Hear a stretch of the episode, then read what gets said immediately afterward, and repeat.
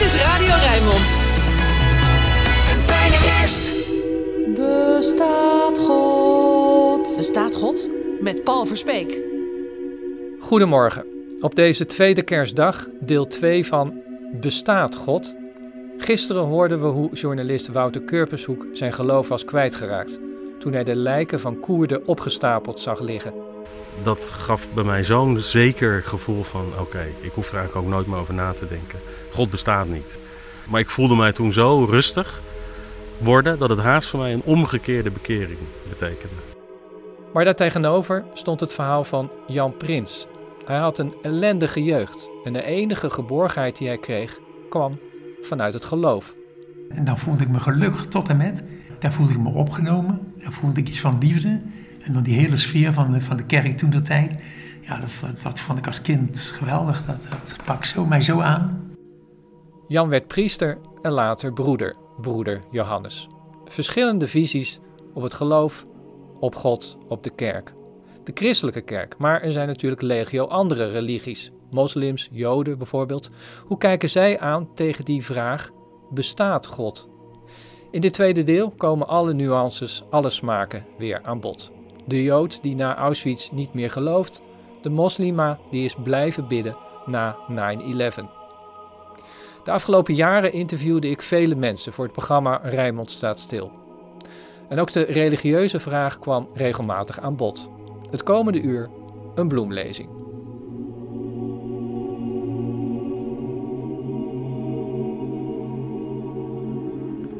Een van de meest fascinerende mensen die ik ooit heb ontmoet is Wim van Zanten. Ooit een grote crimineel in het Rotterdamse. Bankrover, hooligan. Maar hij had het licht gezien. Wim vertelt nu al vele jaren zijn persoonlijke bekering. In zaaltjes in het land.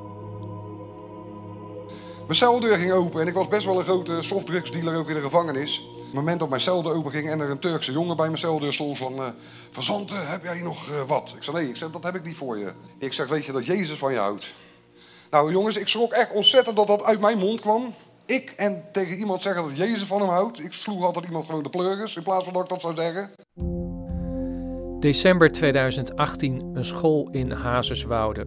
Wim van Zanten spreekt leerlingen toe tijdens een kerstviering. Ik ben als klein kind ben ik misbruikt. Ik had een zwaar drinkende stiefvader die drie keer per week bij ons alle ruiten eruit gooide als hij had gedronken. Dan word je denk ik een persoon die voor zichzelf gaat opkomen en voor zichzelf gaat strijden. Er kwam niemand om mij heen, want als iemand in mijn gezichtsveld kwam, dan stond ik er gelijk neer. De Schiedammer, geboren in het Witte Dorp in Rotterdam, vertelt zijn levensverhaal. Eens een crimineel en hooligan, tot hij het licht zag. En ik schrok echt ontzettend van mezelf en van wat ik las. Want de allereerste zinnen die ik las, dat was in Openbaring 4. Ik kwam met donder, bliksem en stemmen in je hoofd. En vanaf dat moment ging er bij mij een licht aan en die is ook nooit meer uitgegaan. Dit is het verhaal dat Wim van Zanten nu al 15 jaar in het hele land vertelt. Hoe hij is veranderd. Van crimineel tot christen. Van hooligan tot heilige. En al 15 jaar volg ik hem. Om te kijken of het hem lukt op het rechte pad te blijven. Dopen we jou in de naam van de Vader, de Zoon en de Heilige Geest, onze Heer Jezus Christus.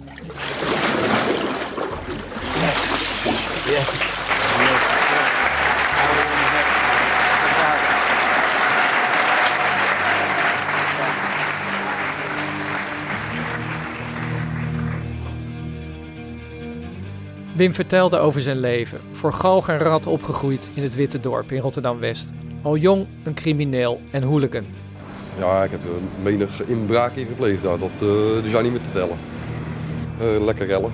Rellen en uh, stenen schoppen. 9 van de 10 keer werd ik opgepakt. Hij had ooit TBS gekregen voor het in brand steken van Den Haag-Holland Spoor. Na enig aandringen kreeg ik hem zover in 2004 dat we teruggingen naar het station. En daar vroeg ik hem een stukje uit de Bijbel te lezen. Waar het bij mij eigenlijk allemaal mee begonnen is, dat is Openbaringen 4. Uh, uh, hierna had ik een visioen. Er stond een deur open in de hemel. De stem die me eerder had toegesproken met het geluid van een bazuin zei nu, kom hierheen. Dan laat ik je zien wat er hierna gebeuren moet. Op hetzelfde moment raakte ik in vervoering. Er stond een troon in de hemel en daarop zat iemand. Degene die daarop zat had het uiterlijk als van een Jaspin Essarde en rond de troon was een regenboog, die eruit zag als smaragd. Om de troon heen stonden 24 andere tronen waarop 24 oudsten zaten. Ze droegen witte kleren en hadden een gouden krans op hun hoofd. Van de troon gingen bliksems, schichten uit en donderslagen en een groot geraas. Voor de troon brandden zeven vurige fakkels, dat zijn de zeven geesten van God. Ik vind het een mooi einde, Ja. zeven fakkels. Dat, eh, ja, dit had alleen niet als een fakkel eh, de brand in moeten gaan. Dat, eh, is toch, ja. Ik ben blij in ieder geval dat het er nog staat. Toch wel. Ook voor de, alle Hagenezen. Dat is toch een mooi stukje historie.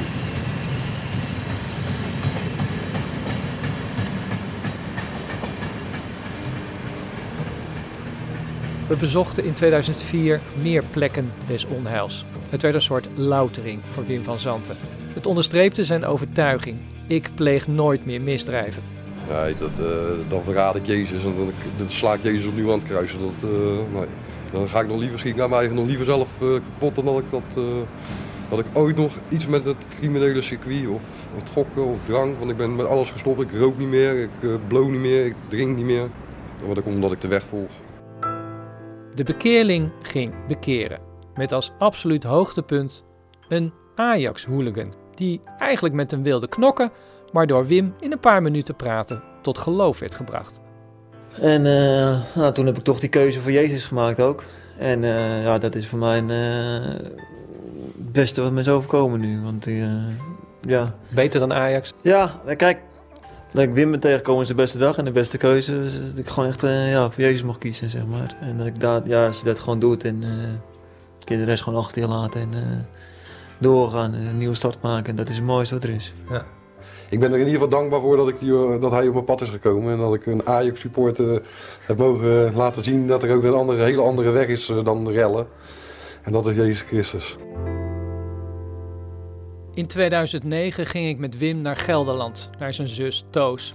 Zij vertelde toen over het wonder dat was gebeurd, dankzij Wim. Op een gegeven moment uh, had ik aan Wim gevraagd dat hij een uh, gebed met me wilde doen. Ja, en op een gegeven moment uh, voelde ik mijn eigen weg zakken. En, en zag ik een, ja, een soort, een soort manspersoon in een, in een witte, ja, een soort van, ik kan niet zeggen echt een jurk, maar een soort van wit gewaad met een heel mooi licht eromheen. En een beetje lang, lang haar. Een soort, soort Jezusfiguur, moet ik het ja, zo zien? Ja, ja. Daarna was ik ook uh, ja, de rust zelf eigenlijk. Hele... Nieuwe doos. Ja. Uh... Sorry? Dat was, toen was het een nieuwe doos. Nee. Wat deed je dan, Wim? Ja, toen heb ik mijn hand op de hoofd gelegd en toen viel ze in de, in de geest. Dus op dat moment kwam de Heilige Geest over haar en uh, ja, die is eigenlijk met haar aan de slag gegaan. Tien jaar later leeft zijn zus niet meer. Mijn zus die heeft zelfmoord uh, uiteindelijk zelf een einde aan haar leven gemaakt ook. Uh, ja, net voordat dat gebeurde heeft ze natuurlijk uh, Jezus aangenomen. Nou, dat, dat, weten we natuurlijk van die vorige uitzending. En ja, is, uiteindelijk pleegde ze zelfmoord en een half jaar later de dochter. Dus ja, dat, dat zijn natuurlijk echt trieste dingen die in de familie ook spelen. Ja, en dan vragen mensen zich af, ja, waar is God dan? En zeker familieleden die, ja die toch nog steeds uh, niet allemaal makkelijk vinden dat ik zo met Jezus leef. Nee, nou geef het antwoord maar Wim, waar is God dan? Ja, als je in Jezus gelooft dan weet je waar je naartoe gaat en dan kom je uiteindelijk bij God. Dus dat is eigenlijk het enige antwoord dat ik op kan geven. Dat is wel een hobbelige weg onderweg. Ja, maar goed, ik heb eigenlijk een heel mooi boordje hangen. God heeft ons geen kalme reis beloofd, maar wel een behouden aankomst. En dat is waar het om gaat. Jouw geloof blijft rotsvast? Ja, maar je gelooft dat, uh, dat ze mogen alles, echt alles van me afpakken. Ze mogen me in een gekhuis gooien voor 100 jaar. Dan kan ik iedereen daar tot geloof brengen. Maar dat geloof dat pakt niemand van mij af. Nee. Wim van Zanten uit Schiedam, 50 jaar oud inmiddels. De afgelopen 15 jaar volgde ik hem en zag hem veranderen. Van de man die alles deed wat God had verboden, tot de diepgelovige christen met een missie. Er rest mij tot slot nog die ene vraag waarmee onze reis was begonnen. Is hij, die zo'n groot deel van zijn leven in de cel en inrichtingen doorbracht, clean gebleven? Ik ben uh, gewoon helemaal op het rechte pad, ja. Ik heb ja. nooit, uh, nooit meer wat crimineels gedaan. Uh, Nee, criminele dingen zou ik echt nooit meer doen. Eh. Nee, dan ga ik nog liever als zwerver op straat lopen eh, met niks... dan dat ik ooit nog eh, mijn handen op zo'n manier naar iets uit zou steken.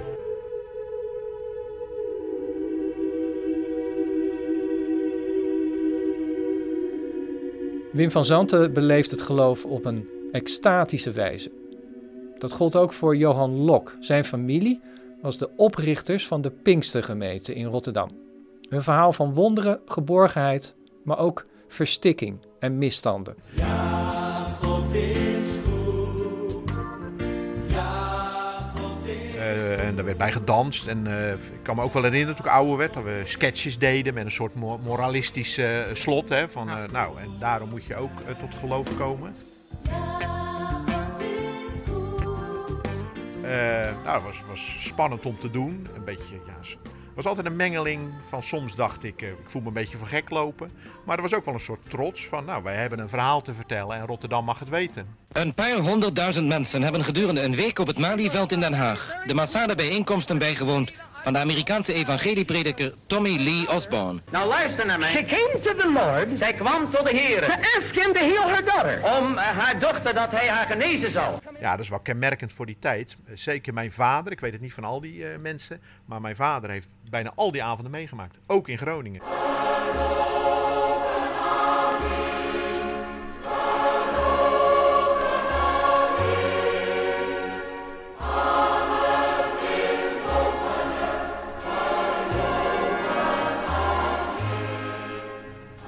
Maar dit is een soort gebedsgenezing, hè? Wat Ja. daar gebeurde. Ja, ja, dat zat heel erg in de Pinksterbeweging. Het hele idee was denk ik, de traditionele kerken, die zijn de oerwaarheden van het evangelie uit het oog verloren. En eh, wij zijn een nieuwe beweging die dat weer oppakt.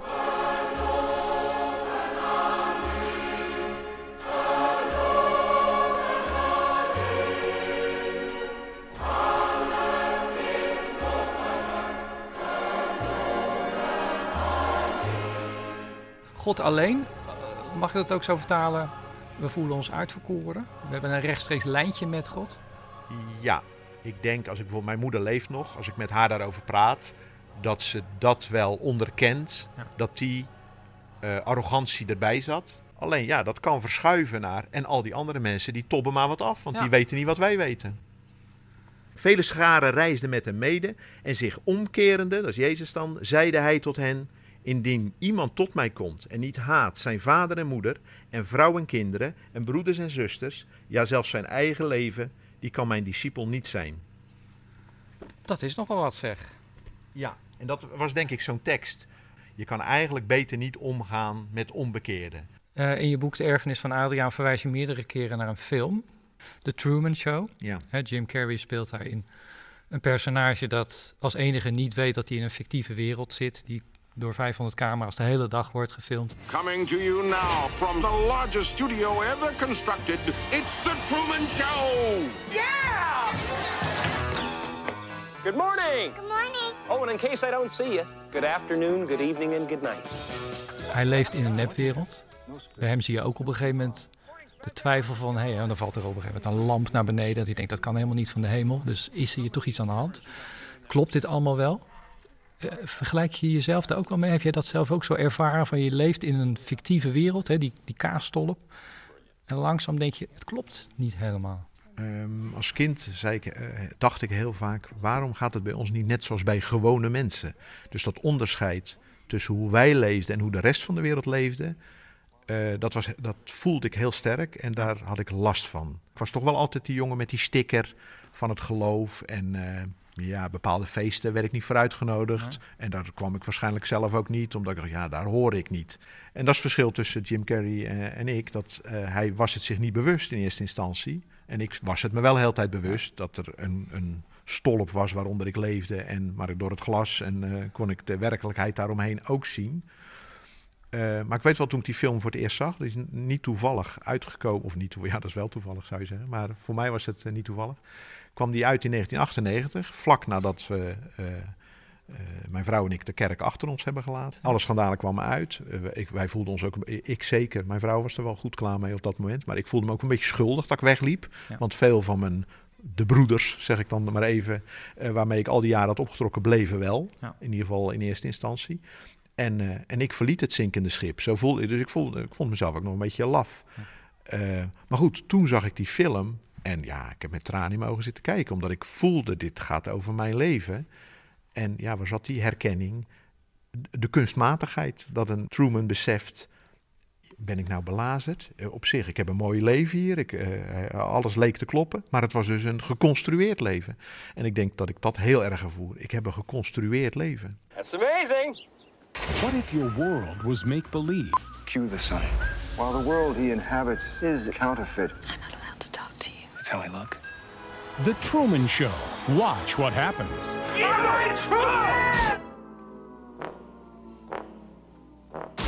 Geloof je nog in God? Ja, ik zeg wel eens, ik ben ongeneeslijk religieus. Ik ben natuurlijk van me zo gewend geweest, 36 jaar van mijn leven, om me te verhouden tot een, iets buiten mij. Dat ik dat gevoel, dat, kan, dat, dat draag ik nog steeds met me mee. Het, ik, het bedoel, rationeel eh, weet ik niet hoe het zit. Maar het, de, emotie van iets of iemand neemt mij waar. Iets of iemand let een beetje op mij. En waardoor het ook niet erg is dat ik op een dag doodga. Omdat ik ergens anders dan weer in word opgenomen. Ja, dat, eh, dat raak je nooit meer kwijt, al zou je het willen. Jezus is de goede herder,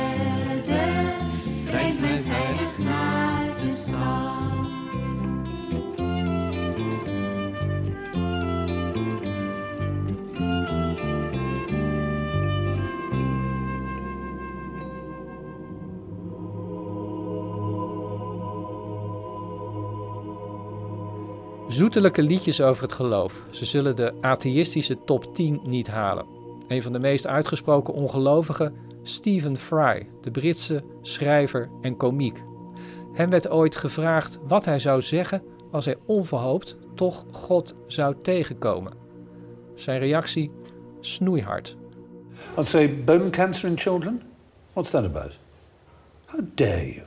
How dare you create a world in which there is such misery that is not our fault? It's not right. It's utterly, utterly evil. Why should I respect a capricious, mean minded, stupid God who creates a world which is so full of injustice and pain? That's what I'd say. And you think you're going to get in No, on that? but I wouldn't want to. I wouldn't want to get in on his terms. They're wrong because the God who created this universe, if it was created by God, is quite clearly a maniac, utter maniac, totally selfish. Totally, we have to spend our life on our knees thanking him.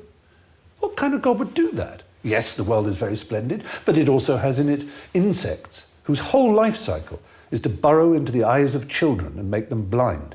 They eat outwards from the eyes. Why? Why did you do that to us?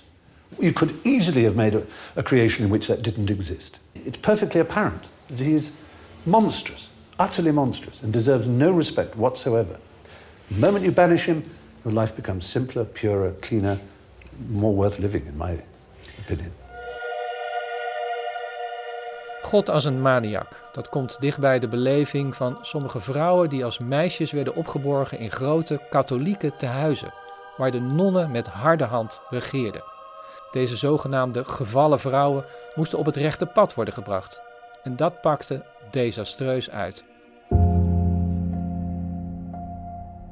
Een hel. Echt een hel. Als ik ooit in de hel kom, dan weet ik al hoe het is. Ze hebben mijn jeugd afgepakt. Ze hebben mijn mond doodgemaakt. Alles wat me lief is, hebben ze me afgenomen. Ik had een identiteit toen ik binnenkwam. Ik was een, eh, een levendig, eh, leuk meisje. En ik ben eruit gekomen als een lege omhulsel. Drie vrouwen, drie dramatische verhalen. In de ogen van de katholieke kerk waren het in de jaren 60 gevallen vrouwen, zondige types die heropgevoed moesten worden. En dat gebeurde in grote instituten, in onder meer Zoeterwoude en Almelo, waar de nonnen met straffe hand regeerden. En zeker de directrice in eh Zoeterwoude niet. Als we in de binnenplaats mochten, daar stond dan zo'n herderbeeld. De goede herder, nou kan het woord niet horen. Met zo'n lam in zijn nek.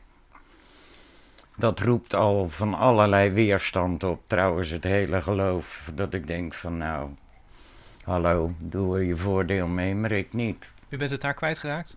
Ja. Ja. Want u kwam uit een katholiek gezin, neem ik Ik aan? werd katholiek opgevoed door mijn oma en opa. En, maar ik had ook nog de tegenvaller dat ik een erg gelovige oom had. En die liep zelfs met de sjerp om Zijn pak. Met de plooi in zijn broek en zijn colbertje aan. Dat had ik al afgrijzen en er stond op eerbied in Gods huis. Dat ik dacht van, nou... En toen had ik al zoiets van, nou, de groeten met je kerk.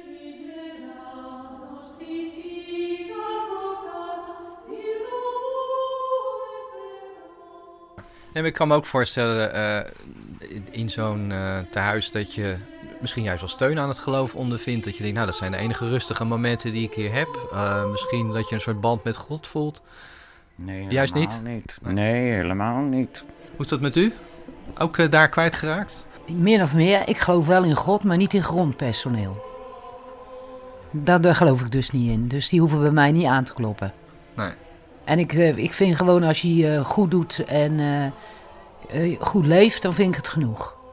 Dat geloven, dat eh, is bij mij niet meer aan de orde. Niet echt. Maar dan ben ik ook daar kwijtgeraakt. Maar dat grondpersoneel, die nonnen, dat waren niet echt eh, visitekaartjes voor het geloof. Dus. Nee, zeker niet. Zeker niet. En dan, eh, dan heet het Zusters van Liefde. Ja, kom op man, ze weten niet eens wat het is. Absoluut niet. Ze maakten ons helemaal kapot. Mhm. Echt helemaal kapot. Dus kijk maar naar haar. Ik bedoel, zij heeft het zelf ook gehad. Ik heb het ook, zij heeft het ook. Nee, Het is gewoon niet goed geweest.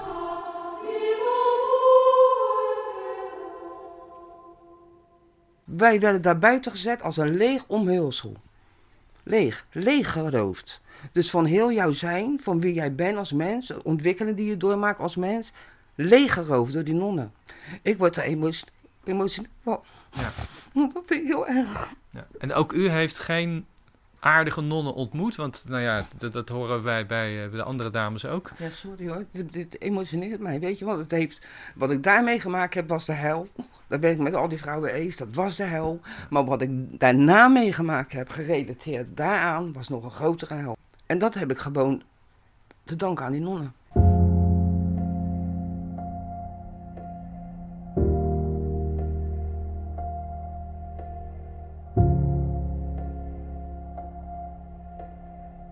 Dus je bent ontzettend eenzaam. Nou, ik geloof wel in een God, maar niet in die God van hun. Nee.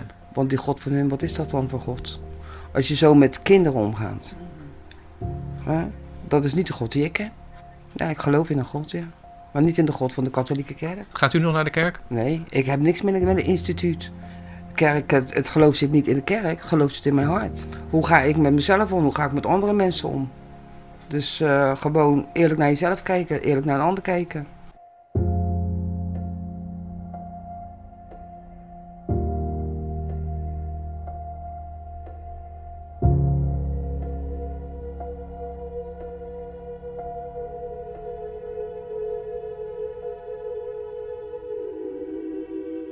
Niet alleen negatieve ervaringen en ellende in de wereld kunnen het godsbeeld aantasten. Ook de wetenschap doet dat. De aarde bleek miljarden jaren oud en de mens stamde van de aap. Toch? Ruud Delwel doet onderzoek naar het ontstaan van kanker in het Erasmus Medisch Centrum. Dag in dag uit zit hij tussen de reageerbuisjes. Maar God is nog niet afwezig in zijn leven. Hij groeide op in Rotterdam-Krooswijk.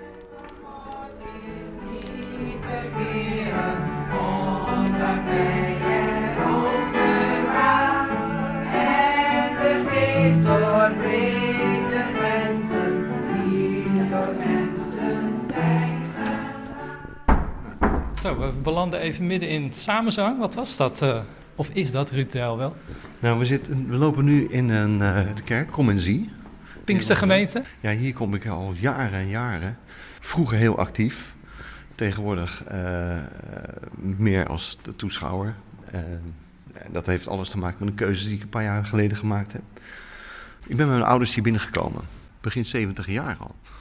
En ik ben hier dus echt wel opgegroeid, hier op jeugd gezeten. En, eh, en op een gegeven moment ben ik ook heel actief geweest. Ze hebben radio- en tv-werk een van die, als een van de eerste hier in Rotterdam Ja. wat gedaan. Daar ben ik heel centraal in geweest zelf ook toen. En uiteindelijk heel veel jeugdwerk gedaan hier. Tot ergens be- begin 2000, nou ik denk 2001, 2002. Je hebt hier dan nog wel, eh, want we staan nu in de grote zaal, eh, op dat podium daar gestaan als gastspreker. Want ik, ik, ik vond wat op internet terug. eh, dat je hier, eh, ja, toch, moet ik dan een preek noemen? Ja, Eh, gehouden heb hebt. Je, hebt, je, hebt, je gezongen, je hebt een preek gehouden. Ja, ja, ja ik deed, eh, deed wel zangdiensten, deed ik ook nog wel heel lang gedaan.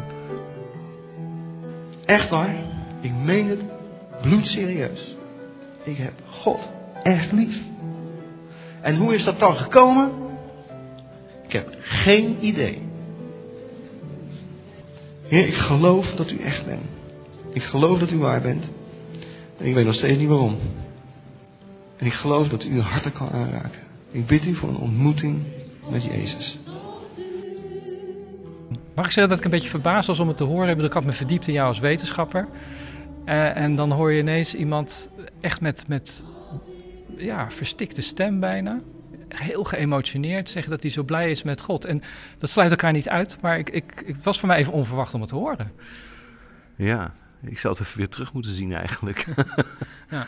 Ehm, ja, ik was, ik, ik, ik was, ik, wa- ik was zeer gepassioneerd, zeker. En eh, als ik aan terugdenk, was ik vooral, daarom heb ik ook ooit dat jeugdwerk gaan doen. Ik was heel erg gepassioneerd om jonge mensen. Eh, dat heb ik misschien nog steeds wel. En ik vroeg me af, ehm, ja, bioloog. Dan krijg je natuurlijk de, de evolutieleer. Hoe kijkt eh, een lid van de Pinkstergemeente van toen daar tegenaan?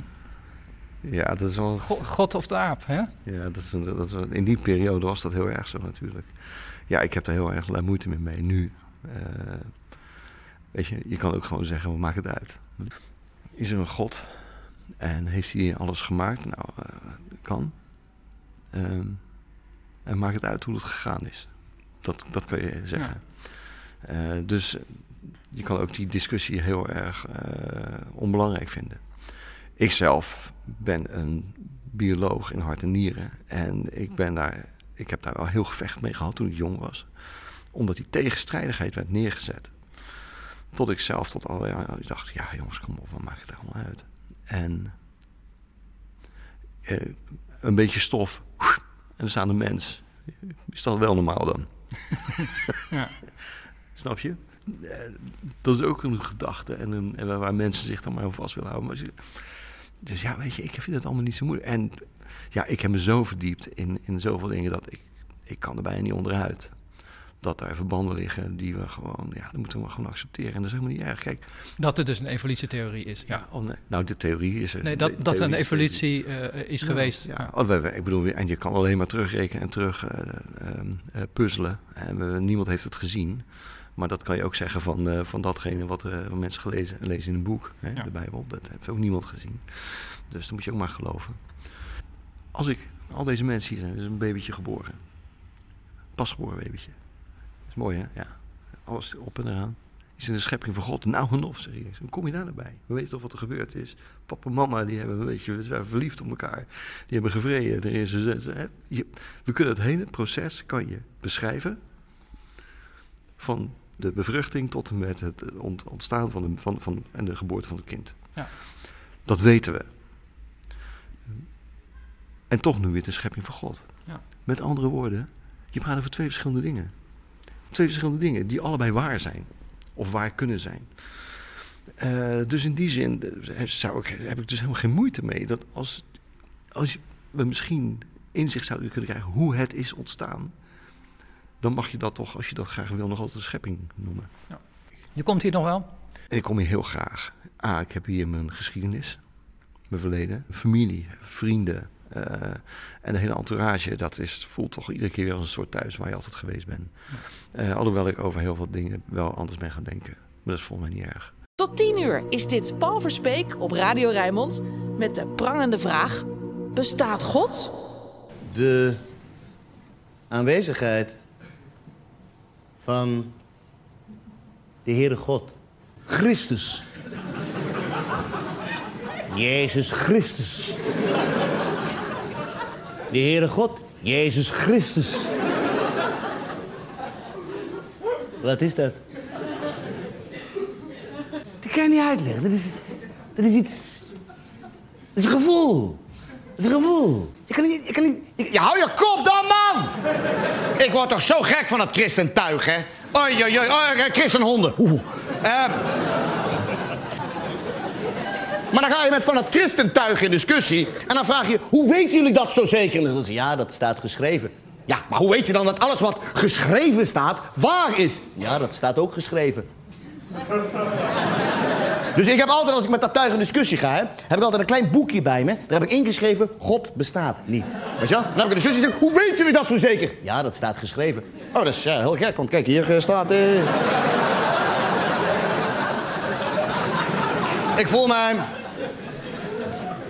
Ik voel mij heel erg verbonden met het Joodse volk. Maar waarom? Omdat ik Joods ben. En met wie voel je verbonden? Met die andere Joden. Maar waarom dan? Omdat die ook Joods zijn. Maar wat voel je dan? Ja, een soort verbondenheid. Maar waarom dan? Omdat we allemaal Joods zijn. Maar wat is dat dan, die verbondenheid? Ja, dat is... Ja, je kan dat niet uitleggen. Dat is... Maar, maar wat doen jullie dan? Nou, we hebben allerlei eh, tradities. Oh ja, wat dan? Nou, dan gaan we bijvoorbeeld gezellig met z'n allen allerlei dingen niet eten.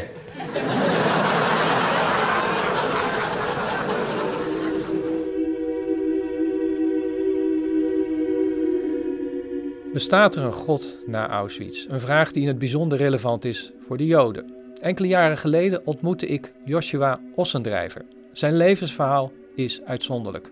Hij kwam er pas op latere leeftijd achter dat hij Joods was. Dat hij in de oorlog als baby was opgenomen in een niet-Joods pleeggezin. En daardoor de vernietigingskampen had overleefd. Hij is dus Joods, maar is hij ook een gelovige Jood?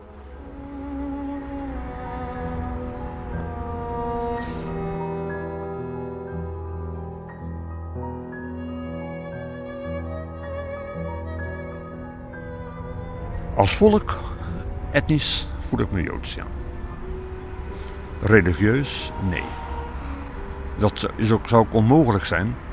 Ik ga even terug naar, eh, om dat als voorbeeld te geven, tante Jet.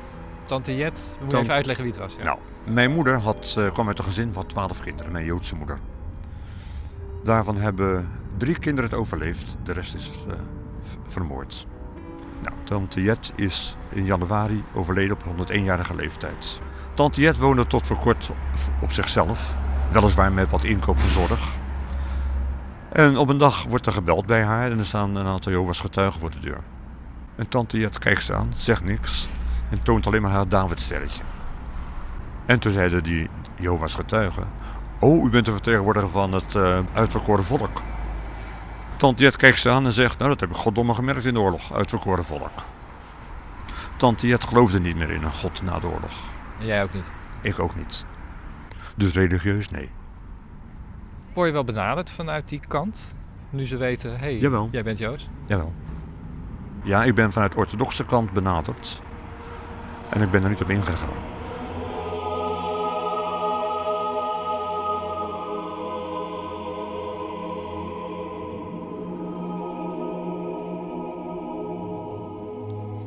En leeft de godsvraag binnen de islam? Twee voorbeelden. Twee bekeerlingen van christenen die voor Allah kozen. Jacob Blom schopte het tot directeur van de Essalam moskee in Rotterdam. Maar hij groeide op in een christelijk milieu. Ik heb in de Groene Tuinkerk, eh kan ik me nog herinneren dat ik als klein jongetje in het kerkkoor heb, eh, heb gestaan. En, eh, en eigenlijk altijd, ja, voor zover ik weet, ik zeg altijd ook wel eens tegen de mensen nu, ik zeg, joh, uiteindelijk heb ik, ja, het is niet dat ik op een gegeven moment een andere God, God ben gaan eh, aanhangen of zo. Hè. Voor mij is God is de God die ik al ken vanaf dat ik een heel klein jongetje was. Met, eh, met de kinderbijbel en, eh, en de, de, lessen op school en dergelijke. Dus, dus ik wil niet zeggen dat ik heel erg kerkgaand was of zo, maar wel altijd religieus. Altijd religieus. Ja, en waar is dan de omslag gekomen? Hoe oud was je toen? Nou, ik denk dat ik in mijn puberteit. Ik zat hier op de Zuidermavo. Eh hetgeen wat mij lag was vooral eh, hè, eh, de God van het Oude Testament. Hè, de Almachtige God. De God, weet je, met de, mooie verhalen, de koningen. En David die dan eh Goliath toch nog versloeg. Kruisiging van Jezus. Nou ja, als je natuurlijk in het Oude Testament altijd zag dat de strijden die gestreden werden uiteindelijk overwon het, het, het goede ja, was dat voor mij toch een beetje een, ja, een anticlimax. Hè? Dat ineens, ja, nou ja, de zoon van God. En die werd dan eh, gekruisigd voor de zonde van anderen. En een beetje onrechtvaardig. Ja, dat, ik, wat, wat ik qua gevoel nog heb, ik kan dat niet heel erg rationeel of zo nog op een, eh, moment geven. Maar dat het gevoel een beetje eh, begon in te slinken daardoor. Van ja, nou ja, weet je, als dat het dan is, dat, ja, dat voelde niet helemaal eh, goed. Eh, maar het ge- geloof altijd gebleven. Totdat ik op een gegeven moment natuurlijk eh, in, de, in, de, in de horeca in eh, Lombardije terecht kwam. En dan kreeg je ook met Marokkaanse jongens te maken. En die praten dan ook over, eh, ja, over namen die toch wel erg bekend waren. Hè? Dus eh Mozes, Musa, en, eh, Abraham en Ibrahim. En nou, die jongens wisten natuurlijk ook allemaal niet het fijne ervan. Maar je hoorde dan wel eens wat en hun namen natuurlijk. Hè? Nou, dat vond ik wel fascinerend. Nou ja, ik begon eigenlijk te zoeken naar eh, ja, de meest gangbare dingen. Natuurlijk, Jezus kwam natuurlijk vrij snel voorbij. Die wordt, eh, wordt veel genoemd in, eh, in de Koran. Ja. En toen bleek dus dat ja, de- ja, ook op die punten juist van erfzonde, op de punten van kruisiging en zo, dat het eigenlijk toch weer meer in de lijn zat van, nee, die ene almachtige God, die blijft gewoon die God. Dus veel meer in lijn van het Oude Testament.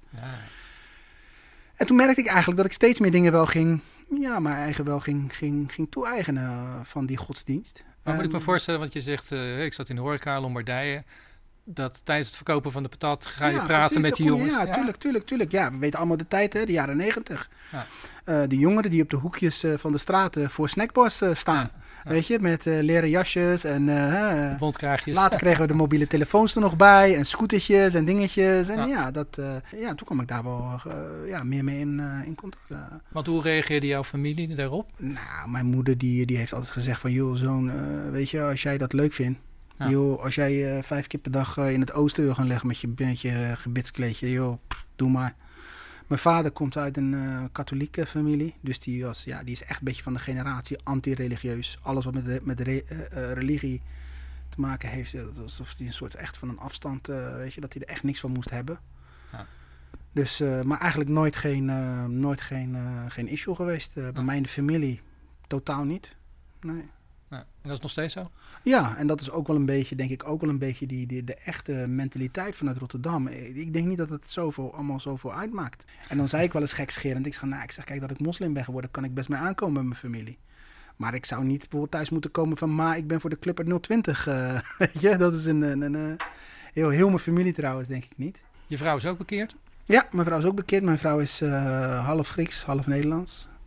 Dus die is vroeger Grieks-orthodox gedoopt. Eh, dus eh, in de Griekse kerk. eh.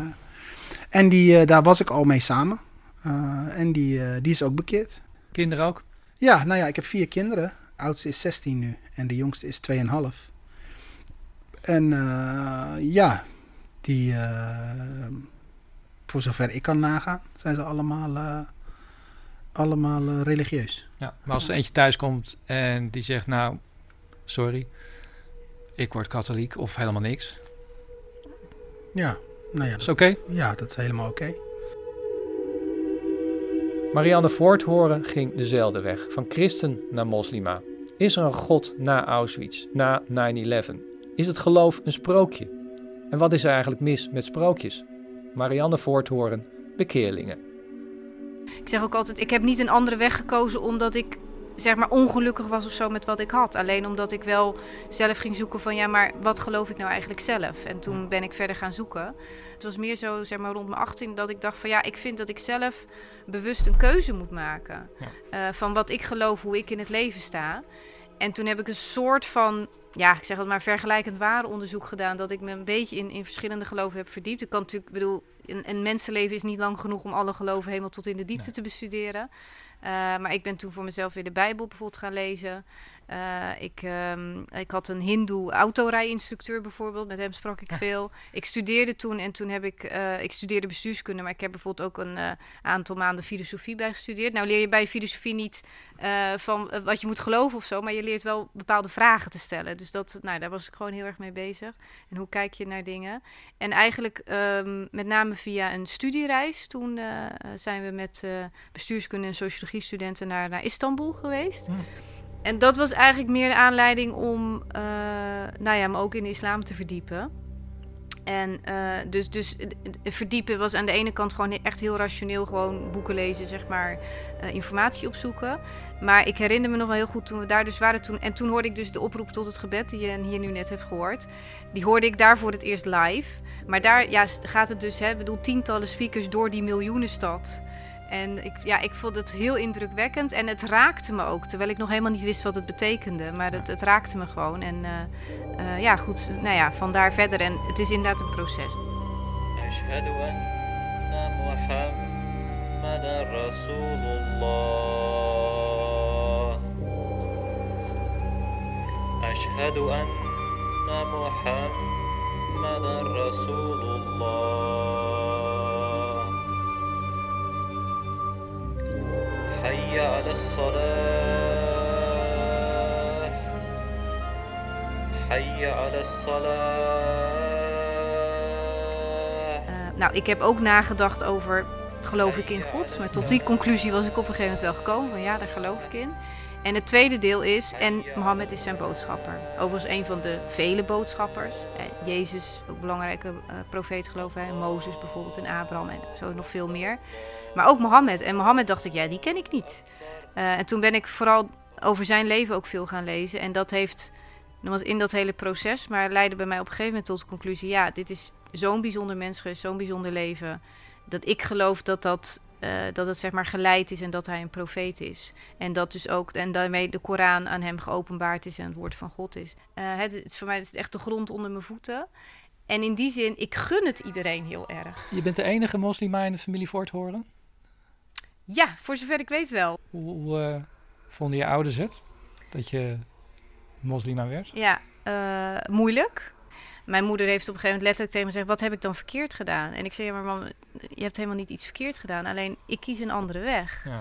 Ehm, en er waren ook zorgen over, ja, wat betekent dat dan? En eh, word je dan inderdaad straks onderdrukt, en vooral als vrouw? En nou, ik ben met een moslim getrouwd en in begin niet alleen mijn ouders, maar ook andere mensen in de omgeving. Van ja, maar straks als je kinderen hebt, worden je kinderen ontvoerd. En weet je wel, en mag je niet meer naar buiten of zo. Dat soort angsten kwamen er ook bij. Dus echt van, gaat dit jouw ontwikkeling in de weg staan? En eh, ja, dat heeft, dat heeft tijd gekost.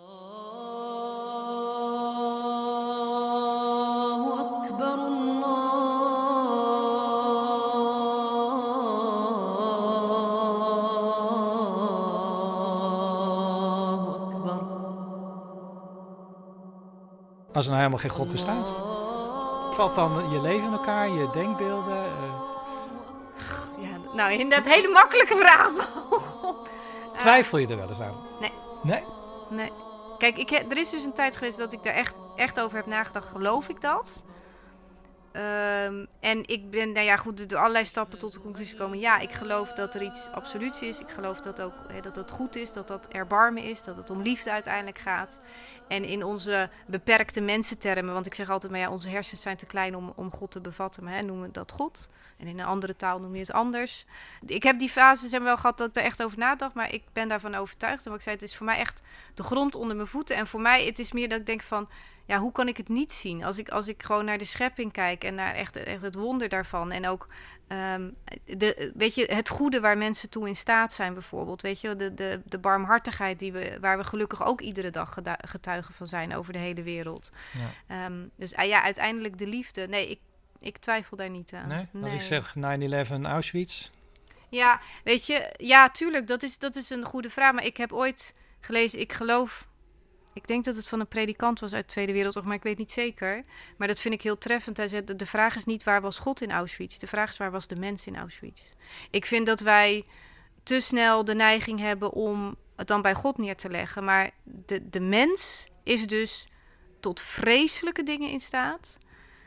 Maar ook tot hele goede dingen. In de islam zeggen we dan, als je juist als je je vrije wil voor het goede gebruikt, dan kunnen we zelfs tot boven het niveau van de engelen stijgen, omdat wij het uit keuze doen.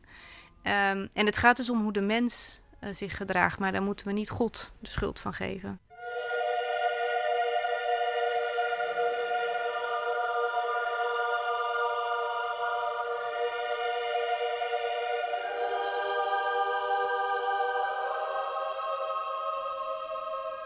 Bestaat God? Vandaag en gisteren hebben we die vraag nog maar eens op tafel gelegd. Een man die het weet is Jules Deelder. Hij verruilde vorige week het tijdelijke voor het eeuwige en zag de hemelpoort verdacht veel lijken op een kasteel. Jules Deelder sluit deze twee luik af. Het gedicht Lotgenoten geeft misschien wel alle antwoorden op alle vragen die zijn gesteld. Ik wens u nog fijne feestdagen met of zonder geloof. Ons gaan is een komen, ons komen en gaan. De zin van het leven is dat we vergaan. De wereld van iedereen, niemand de baas. Het heden is eeuwig, alles is waar. God of Jehovah, Allah Yahweh, de een is de ander, de ander de een. Ontsteekt uw geweten, Kijkt om u heen. Het lot dat we delen laat niemand alleen.